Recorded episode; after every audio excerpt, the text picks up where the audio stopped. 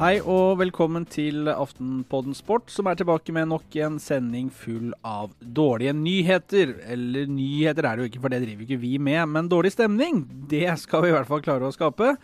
Og Da skjønner jo alle der ute at det er Lars Kjernås og Bertil Valrøg som er gjestene i studio. Dårlig stemning, så er da kan vi ikke begynne å le. Nei, Vi var jo på Ullevål på søndag kveld, så vi eh, Dere har sett en dårlig film Det var jo ikke dårlig stemning der etter kampen. Det sto en gjeng borte i kroken og sang ironisk og dansa og alt mulig etter 0-3, så Altså, sånn hjernevasking eh, Vi har jo sett det før, vi skal ikke dra historiske paralleller, men eh, altså, hva var det de klappa for? Nei, Tyskland, tror jeg. Eh, velkommen skal dere være til en ny podkast, og i dag skal vi prøve å holde litt nede. Bare spørre kjapt, har dere noe positivt dere vil på en måte bare ta opp før vi går i gang med uh, starter møkkasprederen her? Fint vær. Ordentlig eh, Indian eh, summer, det må være hyggelig. Ålreit vær, ja. Nydelig. Det Det, mør det mørke skyer over Ullevål stadion, da. Men på Årvoll der skinner solen sånn. Alltid. Alltid. Jeg er fortsatt gyllen i huden, begge to, ser jeg, så det er bra. Um, jeg bare kom til å tenke på at uh, sesong to av Narcos har kommet på Netflix nå. Det er jo gode nyheter. Ser du mye på Netflix, Lars? Nei, jeg gjør ikke det, gitt. Men jeg, jeg skjønner at jeg bør gjøre det. For det, du er ikke den første som har fortalt meg at det bør jeg bruke litt av tida mi på. Eh, og Men da må du ha digital kompetanse. Kunne Ja, det- Liksom. Jo, Liksom. jo, men det Da, da, da, tror jeg, da tror jeg Lars sine flygeblad ikke kommer Jeg skriver både med høyre og venstre hånd, jeg. ja, for den har ikke kommet Ja, for det er, det er fortsatt Du må inn på nettet for å se den, ja. Det har ikke På kommet nettet. ja, Er Det har ikke blitt det, lagd bok av den serien ennå. må du trykke på en sånn knapp på en PC da, for å komme inn? eh, på, Ja, du må åpne dette lokket, vet du. Ok, ja, men det er der det stopper for meg. uh, ellers så er det jo også Manchester Derby i Premier League til helga. Det er jo gode nyheter. Det er god nyhet. Det er det ordentlig. Klokka kvart over ett eh, lørdag er det rett foran TV-en med 2,4 meters avstand. Og så er det selvfølgelig da serieåpning i ishockey, annet Storhamar mot Vålerengen på lørdag, før Hamarkameratene tar imot Brumunddal på Briskeby på søndag, Lars. Ja, men det er ålreit, det òg. Det får du full pakke. Eh, du blir ikke, kjenner du liksom at du blir fortsatt litt varm når jeg nevner det? Av HamKam? Ja. Ja. jeg, ja, ja. Jeg Ja, håper jo HamKam tar eh, tre poeng eh, hver eneste helg, ja. Men eh, det, det gjør de jo oftere enn de tar null òg. Det er riktig. Uh, og så er det Champions League neste uke, så det er jo plenty av ting å glede seg til, selv om landslaget er ræva. Ja. Ja, ja, ja. ja. Ja. ja. Og da skal jeg se Manchester City på tirsdag mot uh, Borussia Mönchengladbach. Og så skal jeg se Tottenham mot Monaco på onsdag. Oi, så det er gode nyheter. Kan du kjøpe med en drakt hjem til Bertil Valdrag da, tror du? Så han Det- får Det ordner vi. Men det er det faktisk plenty av ting uh, å glede seg over i tida som kommer. Uh, men denne sendingen så hadde vi tenkt vi skulle vie sin helhet da til FrPs endelige nei til EU. Og Hva er din umiddelbare reaksjon til det, Lars? Hva er det som slår deg da?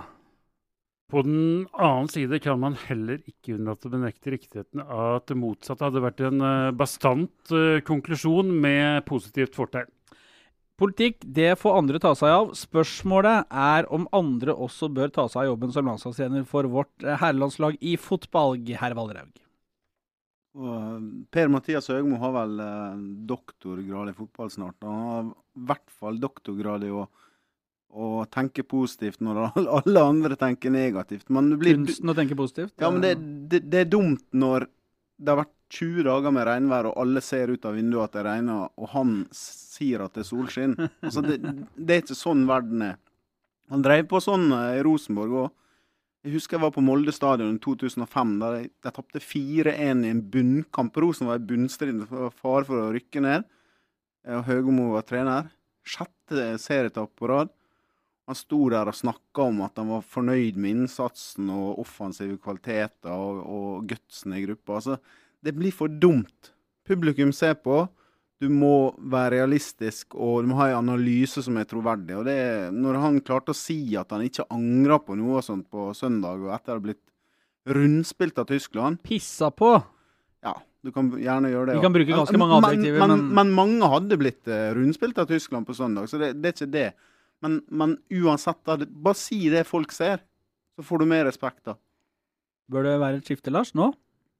Nei, eh, med, med to forbehold. Det, det ene grunnen til at jeg sier nei, er at timinga blir uh, gjerne det, det, siste vi trenger, er et dårlig tima og dårlig fundamentert trenerskifte til. Litt sånn som, som, som det var da Høgmo kom inn for Drillo. Det, det er jeg fortsatt gretten over at det skjedde på det tidspunktet og på den måten det, det gjorde. Enten så, så, måtte Per-Mathias Høgmo fått sparken etter fadesen i Ungarn etter en endt kvalik. Du kan i hvert fall ikke da, når du ikke gjør det, så kan du ikke sparke den etter én kamp i neste kvalik, og den attpåtil er mot Tyskland, som kanskje er verdens mest komplette fotballag. Men det kommer tre kamper til i høst, og hvis ikke det gir oss både mange poeng og spillemessig opptur, da bør det temaet opp med så stor tyngde at da vil jeg snu fra det jeg svarte nei på nå, til å svare ja på hvis det fortsatt ser så dårlig ut, eller i nærheten av så dårlig ut som det gjorde nå. Da mener jeg at tida hans er brukt opp. Uh, du nevnte jo den kvaliken mot Ungarn som vi brukte. Vi, jo, vi brukte jo nesten et halvt år vi på å riste, oss, uh, riste den av oss, faktisk.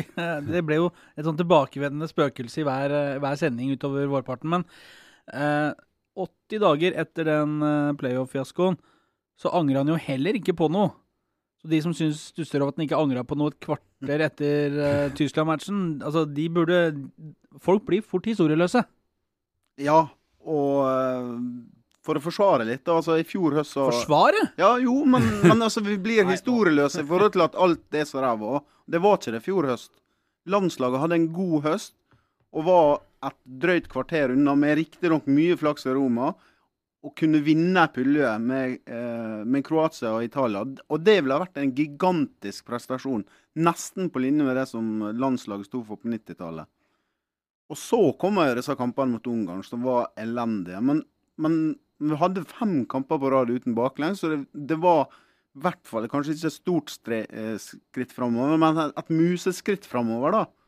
Men nå i høst, og i fjor høst da med, med Ungarn-kampene, så har det vært eh, sjumilssteg tilbake igjen.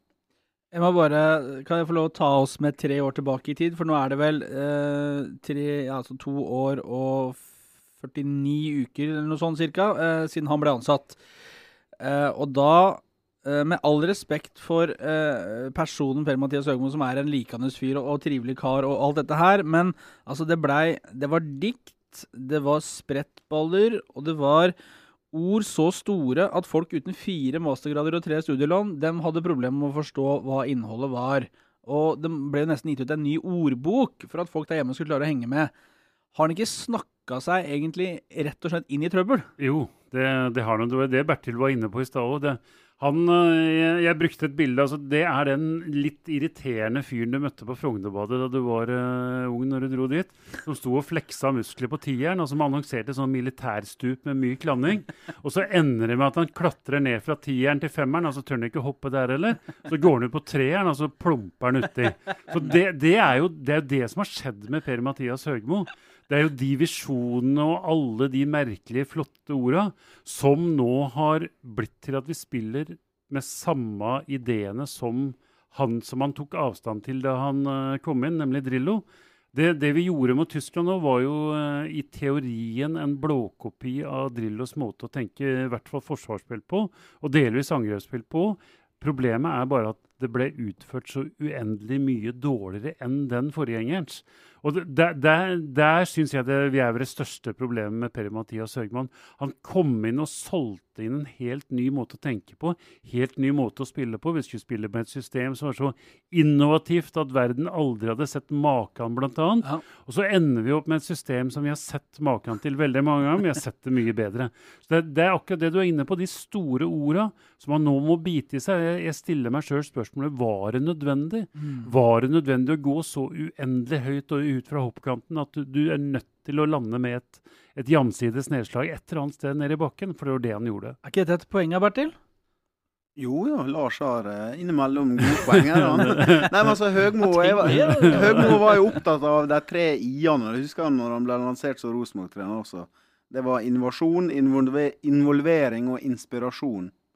Uh, og, Bare der så er det jo en del fotballspillere ja, som har problemer. Jo, jo, ja, så, ja, jo, men sant, De tre i-ene nå er jo uh, blitt til intetsigende, kan du si. For det, uh, det er jo ikke mye inspirasjon å hente. Og det som er problemet for han, det er jo mer i spillergruppa. Tror de på han?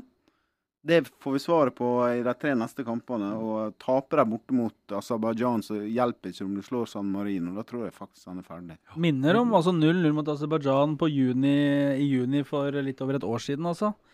Uh, vi skal møte de borte. Og det er vel Det norske laget har vel ikke tatt uh, fryktelig mange steg fremover siden den gang?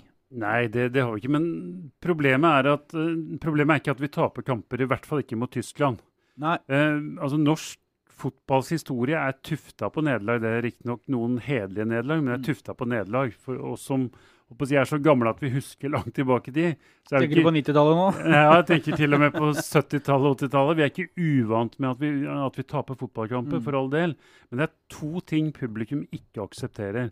Det ene er at vi taper fordi vi er feige. Og det andre er at vi taper fordi uh, spillere ikke ser ut som de holdt på å si, vil nok eller har innsats nok. Det siste er en, en myte, fordi alle som spiller på landslaget, de, de vil vinne fotballkamper, selvfølgelig. Men i kampen mot Hviterussland forrige onsdag så så det ikke ut som mer enn halvparten, og da er jeg snill, syns det var gøy å spille med norsk flagg på brystet. Og det reagerer publikum på, med rette. Fordi det er elleve privilegerte menn som får lov til å tre på seg den drakta. Og da skal du i hvert fall vise med hele deg at dette er det morsomste jeg får lov til å være med på i hele livet mitt. Og det viste det ikke. Og så kom Tyskland-kampen. Da handla det ikke om, om mangel på, på, glød, men da handla det om mangel på mot. Fordi det var, det var to måter vi kunne tape på mot Tyskland. At vi skulle tape, det var i hvert fall ikke uventa. Det ene var å tape etter et realt forsøk. Og det andre var å tape på den måten vi tapte, med å legge oss ned og vifte med det hvite flagget allerede etter fem minutter, for det gjorde vi faktisk. Men uh, Bertil, uh, han, han, tok over som var inne på, da var det pompøst og svært og flott og fint, og alle lot seg selvfølgelig sjarmere litt av han nye friskusen som kom inn der. Uh, og så i hvert fall, jeg, jeg, jeg tenkte litt på det. Jeg opplever det i hvert fall sånn som jeg ser det fra, fra ydmykheten på Oslo øst, selvfølgelig. At han, det han sier, ofte er litt sånn i utakt med det folk ser og opplever. Og så kanskje timinga på det han sier, også er en sånn halv oktav feil. Du kommer inn litt feil, og når du først kommer inn, så kommer, blir budskapet også bitte litt feil. Sånn som etter matchen mot Tyskland. Eh, så, så angrer han ikke på noe.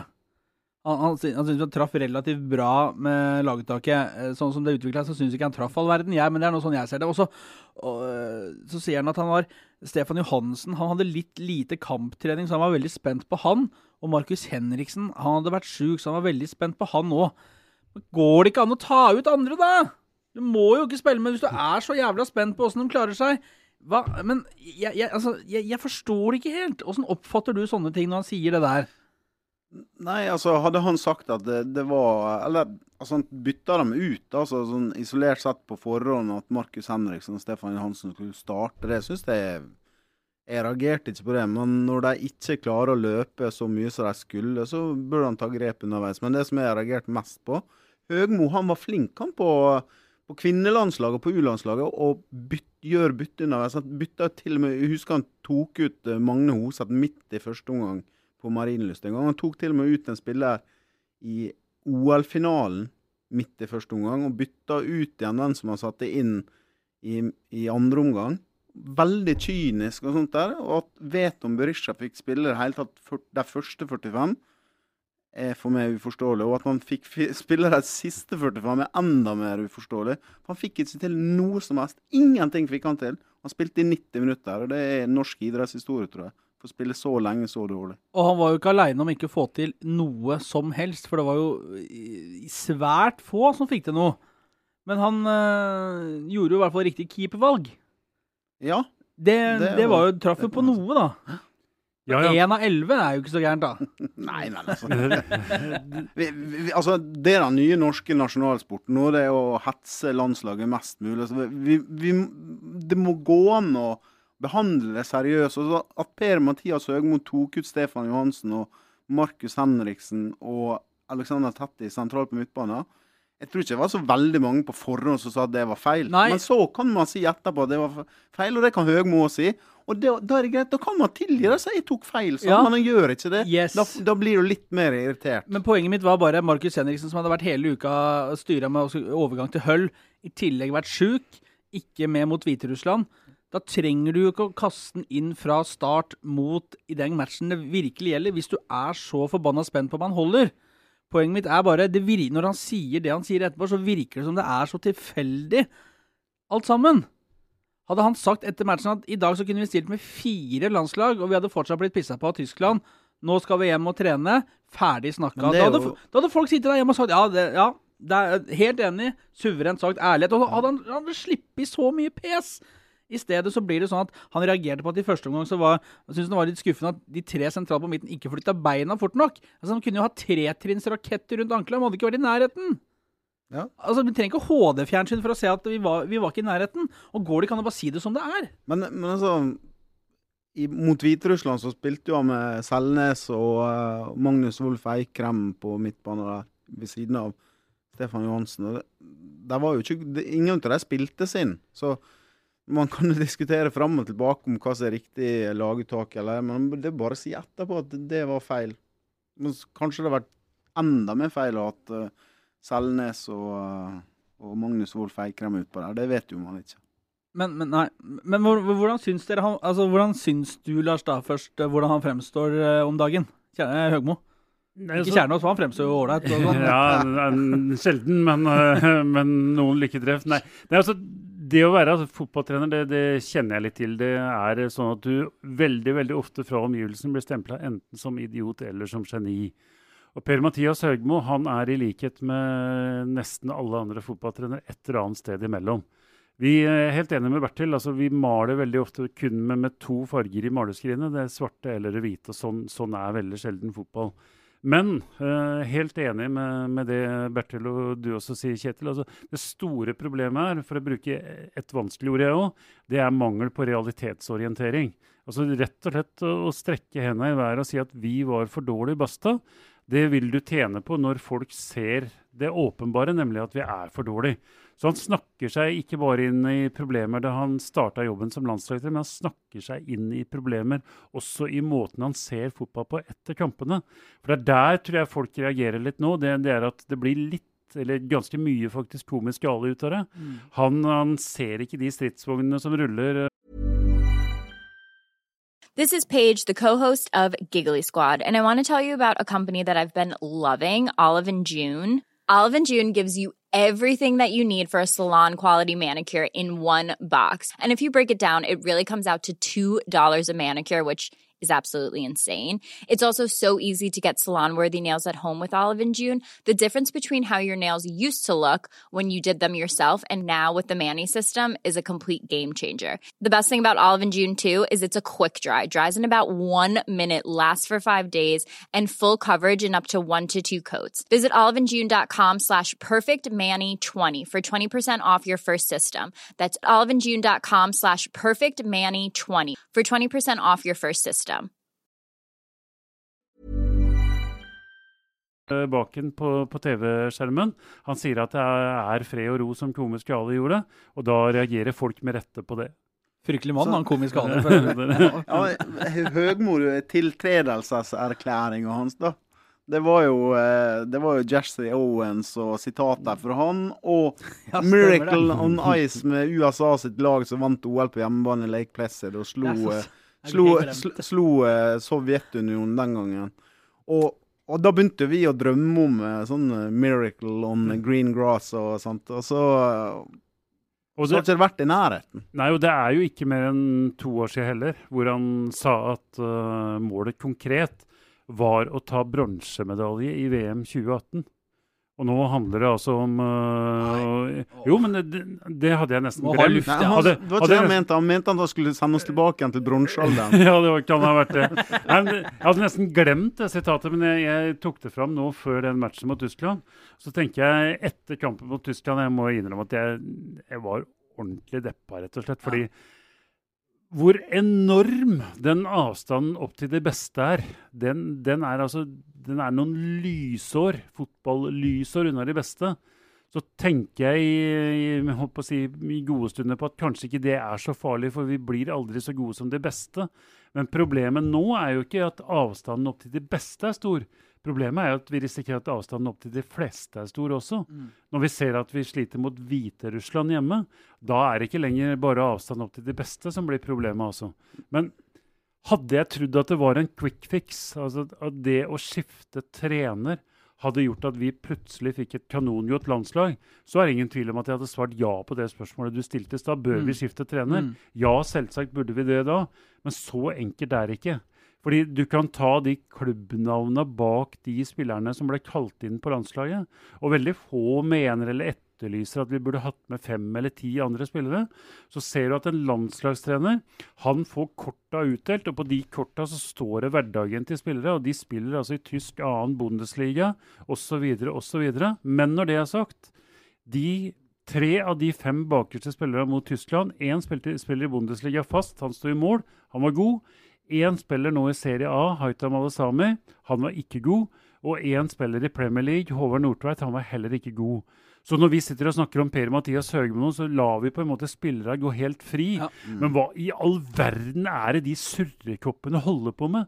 De får ha bevist i hvert fall til et minimum at de har en hverdag i Premier League eller Bundesliga eller Serie A, og ikke se ut som de er henta fra nettopp HamKam og Brumunddal, altså. Han Det her var klar tale. det var, Den kjente jeg gjorde litt vondt. jo, men du- Du møter Thomas Müller, da. Så er den sikreste mannen du setter penger på når du skal eh, tippe eh, målskårere i kamper han spiller. Du vet jo at han er livsfarlig inne i feltet. Han står der til og med armen i været til han som slår innlegg. Ja. Her er jeg, spill ballen til meg, jeg står helt ledig. Og så får han gå inn og så heade ballen. Du leste jo det i avisa dagen Ja. før. Jo, jo, jo, men altså, du må jo selv i eh, andre tredjedivisjon, som jeg spilte på Sunnmøre, så måtte du opp i kroppen på de som var inne. i Brumunddal og HamKam så markeres folk, altså. Ja, det, det, det er det som irriterer meg litt, da. Det, eller irriterer meg ikke litt, nå kjenner jeg at jeg blir forbanna her. fordi Deilig! det- den- altså, når du er dårlig, og jeg, jeg har vært med på mange dårlige fotballkamper, tro meg, både som spiller og som trener, men når du er dårlig det minste du gjør, da, det er i hvert fall å sparke ned en tysker. Ja. Altså, Før jeg får Ja. søksmål på meg nå, det Ja. er mer ikke sparke ned for å skade, men spark nå ned en motstander og vis at du ikke finner deg i dette. her, da. Ja. Det, vi gjør ikke det engang. Nei, det altså. er noe, det, det, er ikke noe karakter. liksom. Hva hadde, hva, hva hadde skjedd i Premier League eller altså, en eller annen god liga eller et eller annet godt landslag? Hva hadde skjedd med tyskere da? Hvis, hvis de ble holdt på å si, unnskyld uttrykket, pissa på på den måten? Jo, det i hvert fall sørge for å sparke ned to motstandere. Men vi går høflig vi ved siden av folk. Vi gjør ikke det engang, og det irriterer meg til de grader. For det gikk jo såpass fort med Tyskland du, at selv Alexander Tetti, som er et levende gult kort i, eh, i England han, Det gikk så fort at han ikke rakk å, å bli for sein inn til taklinga engang. Ja, ja. Men hva er det du satte penger på skulle få gult kort igjen? Nei, jeg klarte ikke å spille. Jeg Du- du bruker, ikke jeg bruker norsk tipping, og det, det gikk ikke an å spille på gule kort i kampen. Ja, men- Men, men fikk vi gule kort? Altså, ja, Joshua King, Joshua King fikk Ja. gult fordi han sparka etter Kedira. ja, riktig. Etter han Mm. sjøl hadde blitt holdt igjen. Og det, det der var han jo faktisk heldig. Han kunne jo blitt eh, vist Ja, ut på den. ja. Men eh, altså, du var litt inne på det. Vi er jo så oppe i skyene, og norsk fotball slår seg på brystet at vi gjør en jævlig god jobb eh, når vi eh, får slengt vekk en til Hull og en 18-åring til Westham som det plutselig begynte å bli ropt på på Ullevål på søndag. Eh, og vi har spillere i Nürnberg og Greuter Fürth og jeg vet ikke hvor. Tyskland de kommer med Bayern München og Real Madrid. Vi var ikke i nærheten! Så glem det! Du så, det står marker, Det er som du sier, det står og ser på. Altså- ja, men når du roper etter Mart Martin Samuelsen på 0 0-3 Jeg tror ikke at han hadde kunnet kommet inn og endra noe kampbilde. Men da satte du heller inn på Ruben Yttergård Jensen. Det var ikke ei sjel på Ullevål som var opptatt av han, i hvert fall. Nei, det var Du, spa du forventer ikke. ja. Nei, men uh, Ja, skal vi men- gå videre? Nei. Skal vi, uh, Nei. skal vi, skal vi, skal vi rette blikk mot Baku? Det tror jeg ingen er tjent med. ennå. Her, må- her må det sages fortsatt. Um, det med spillerne, da. Altså, vi er jo ikke Dette, dette er jo altså, dette, folk må, altså, Vi må jo huske på at dette er våre beste menn. Eh, ok, En, en Vegard Forhen som eh, er ute, en Pål André Helland som igjen er skada. Jeg vet ikke, Det er ikke sikkert det hadde hatt noen verdens ting å bety, det heller. Men dette er jo de beste spillerne Norge da, altså de presumptivt beste spillerne vi har å sende ut på en fotballbane. Hva forteller det? Det forteller at vi er nødt til å gå dypere inn i materien hvis vi skal se på problemet. Det forteller rett og slett at vi utvikler ikke gode nok spillere. Og da er det igjen Vi hadde jo en kjempediskusjon på Ullevål for hva blir det nå, et år siden eller to år siden eller hva det nå blir, om norsk spillerutvikling. Og jeg står på hver eneste bokstav jeg sa den gangen.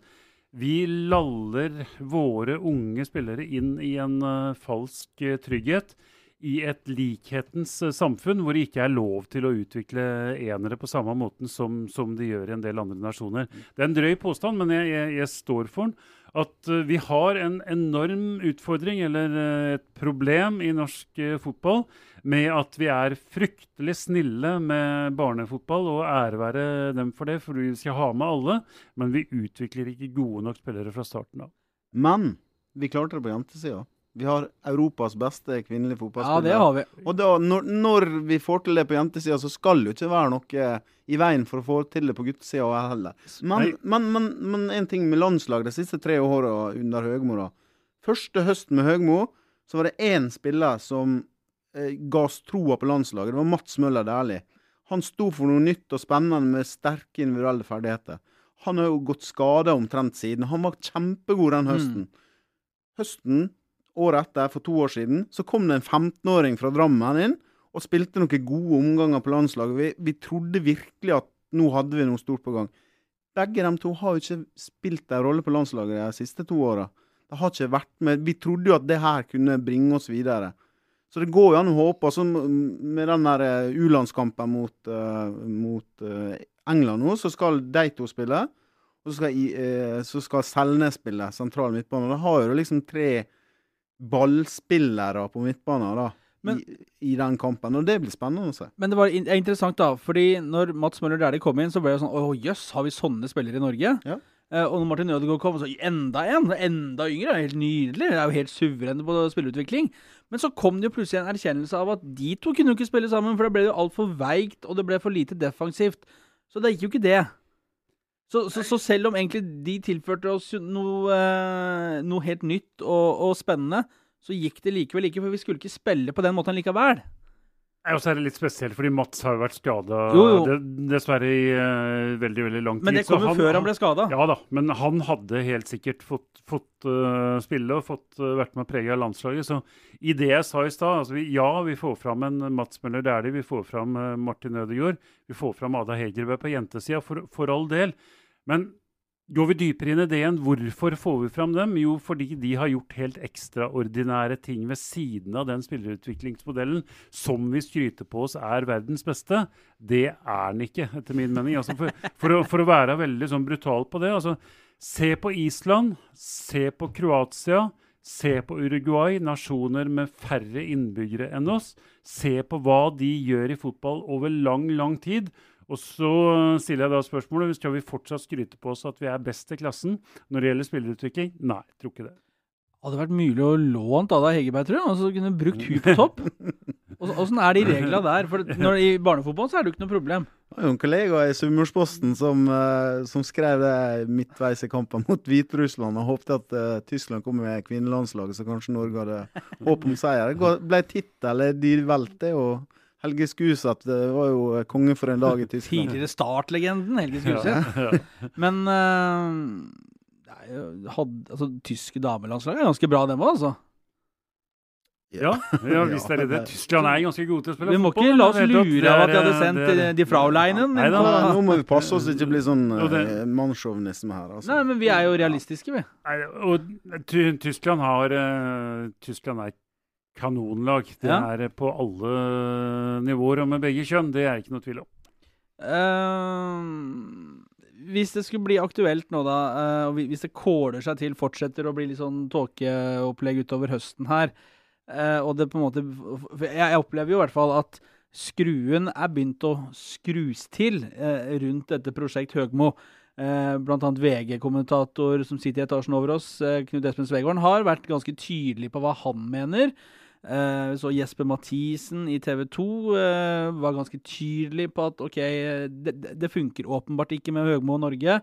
Eh, flere andre også, selvfølgelig folketyper på Twitter og sånn. Men det er ikke noen tvil om at han går en tøff høst i møte, Høgmo nå. Nei, nei, men altså Uansett. Du går ikke av etter at du tatt mot Tyskland. Altså, Ja, nei, det, det, men- Jo, ja, nei, men ja. Da, da ser vi mot København. Og Sole Stålbakken, som han sa han Lars Jakob Krogh. Ståle Ståle Salvatore, som vi kaller det. Ja, Ståle Solbakken er den mest åpenbare, naturlige mann å spørre, i hvert fall. Han har jo Champions League nå i høst, så han er ikke aktuell nå. Nei, men det er vel, det er vel ikke høst så aktuelt heller, hvis ikke han ryker nå i nærmeste Nei. Men at, men, men at det, han vil sikkert garantert gjøre, gjøre ferdig eventuelt en sesong i Danmark, og så får man jo eventuelt se om et år, da kanskje. Ja. Han sa jo nei til Norge. Han, sa jo, han skulle bli landslagstrener for 2012, og valgte heller å reise til Köln Ja. og Det- fikk erfaring. Det, det gjorde han. og den, altså I den grad det har vært et litt sånn sårt punkt for NFF, så må vi selvfølgelig Det må ses uh, jo- bort fra det. Vi, Nå er hvis det- ja, nei, altså, det, det tar jeg som en selvfølge. Og For meg så er Ståle den åpenbare norske kandidaten. Men jeg har jo lyst til å også rette blikket utover Norge. Oi, Det- oi, oi. det, det, Har du, du har ikke sagt dette her til noen på Ullevål? Eh, Nei, men det er skummelt, vet du. Men eh, det skulle ikke forundre meg om det er noen av de drøyt 200 andre nasjonene i Fifa som også kan litt om fotball. Det, jeg, har, jeg har en følelse at det kan være det, nemlig. Så det, det er eh, Det trenger ikke være verdens dummeste sak heller. Nå er jeg litt flåsete, men sagt på en ordentlig måte, da. Jeg har også lyst til at vi skal være med å rette blikket ut av det. I hvert fall ikke være begrensa til at den neste landslagssjefen må snakke norsk. Navn? Det har jeg ikke tenkt godt nok over. Eh, altså, du kan hente eh, fra, fra øverste hylle altså Bielsa er ledig på markedet. Mm. Han hadde røska opp i ting i løpet av 24 timer. Kanskje litt for eh, brutalt, men altså, du, det spørs jo alt hva du er villig til å betale, selvfølgelig, hvilken Mm. retning det går osv. Så, videre. så kan du være mer edruelig, så kan du tenke Lars Lagerbäck, som har erfaring Mm. fra to landslag, som har alltid har hatt suksess over lang tid både med Sverige og Island, tatt alle lagene sine til sluttspill. Som er en, en prima fyr på absolutt alle måter, og som veit hva det vil si å være landslagstrener. Så har du 100 andre navn midt, midt mellom. Hamren, selvfølgelig. For, for det, det som er viktig når den tida en gang kommer, for det gjør den jo enten nå eller seinere, det er to helt forskjellige jobber å være landslagstrener og å være klubbtrener. Så jeg har lyst til at den som blir vår neste landslagstrener, skal ha dokumentert at den kan også være landslagstrener, ikke bare være en god klubbtrener. Ja. Men i Norge så føler du det er Solbakken, så, eller dere det er Solbakken som er eneste norske alternativet? Han, Sånn som ting ser ut nå. han kaller i hvert fall ei spade for ei spade. Ja, ja, jeg svarer midt på det. Eh, Ståle er det åpenbare norske valget. Uh, ja.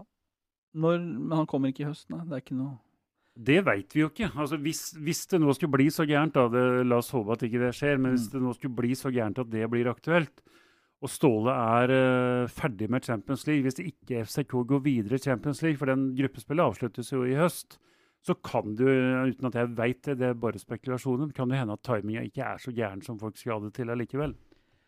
Timinga for Valon Berisha er i hvert fall meget god, sa jo nylig nei til Norge for å spille for Kosovo. Eh, Ble historisk på direkten da han skåra 1-1-målet mot Finland i den aller første tellende landskampen for Kosovo mandag kveld i Finland. Eh, På straffe skåra han. Eh, Det er jo et mål som vil bli huska, og som kommer til å stå i eh, Åssen ble vi Kosovo? Kosovoske historiebøker. De skal være glad for, at, de skal være glad for at det var Finland og ikke Tyskland de møtte, for da tror ikke han hadde skåra. Nei, men det, han hadde vel bedre, større suksess han enn eh, broren, kan vi si da. Ja, det kan vi si. Han, Ja, eh, jeg Det er hørte, morsomt, jeg hørte forklaringene, eh, forklaringene til Veton Berisha på hvorfor den ene valgte Kosovo og den andre valgte Norge. For de føler liksom eh, tilhørighet til begge landene, og da var det naturlig at de splitta. Da. da jeg syns det var Stilig. Jeg synes det var bra, jeg. Ja. Hvem tapte Det er Veton da som tapte den derre den der, Kronomint. eh, Kronomint-varianten der, der, ja, det kan ha vært det. Nei, men er ikke, er, ikke, det- er, er ikke det litt morsomt for Valon Berisha? Altså. Kosovo, sterke følelser, lidenskap, fotball er eh, mektig på Balkan. Eh, suksess på første forsøket. Ja, det var veldig fin straff. Og må, måka den opp i nettaket. Det, Ja. var- det var fint. Og nydelige bilder etterpå hvor de gikk Ja. bort med Ja. flagget samtlige og Ja. takka seg på det. Det var herlig. Ja. Det er eh, litt sånn uh, stort og visjonært øh, sagt, det er litt av meninga med fotball, syns jeg. Det, Mm. det, du- de bildene du så etter, etter matchen i går. Og så får vi noe med den virkelige meninga med fotball får vi se når Guardiola møter Mourinho på lørdag. Det blir det er helt Zlatan mot uh, City. Altså, nei, det er Vi er vel enige om at vi må ut av landets grenser skal vi få noe å kose oss over når det gjelder ball. Akkurat nå så må vi det. Det har vært en litt traurig høst, skal sies hvis du har norske briller. Men eh, det er, eh, det er litt sånn at du får uh, indrefilet med andre ligaer sju dager i uka nå. og Da får du glede deg over det. Jeg gleder meg litt over Gleder meg til Vålerenga Gods òg. Og Brann Viking, ikke minst. Brann Viking. ja. Ja, i hvert fall Vålerenga Godset. Og Brann Viking. Jeg sier som VG-forsiden sa og Start Ålesund. Da vinner vel Start, start sin første seier på Nå har vi snart vært gjennom hele terminlista, men jeg sier som VG-forsiden sa før eh, åttendedelsfinalen i VM 98 mellom Italia og Norge. I dag har du bare én avtale, og det er på søndag. HamKam Rumdal. Takk for oss. Uten Ventolin.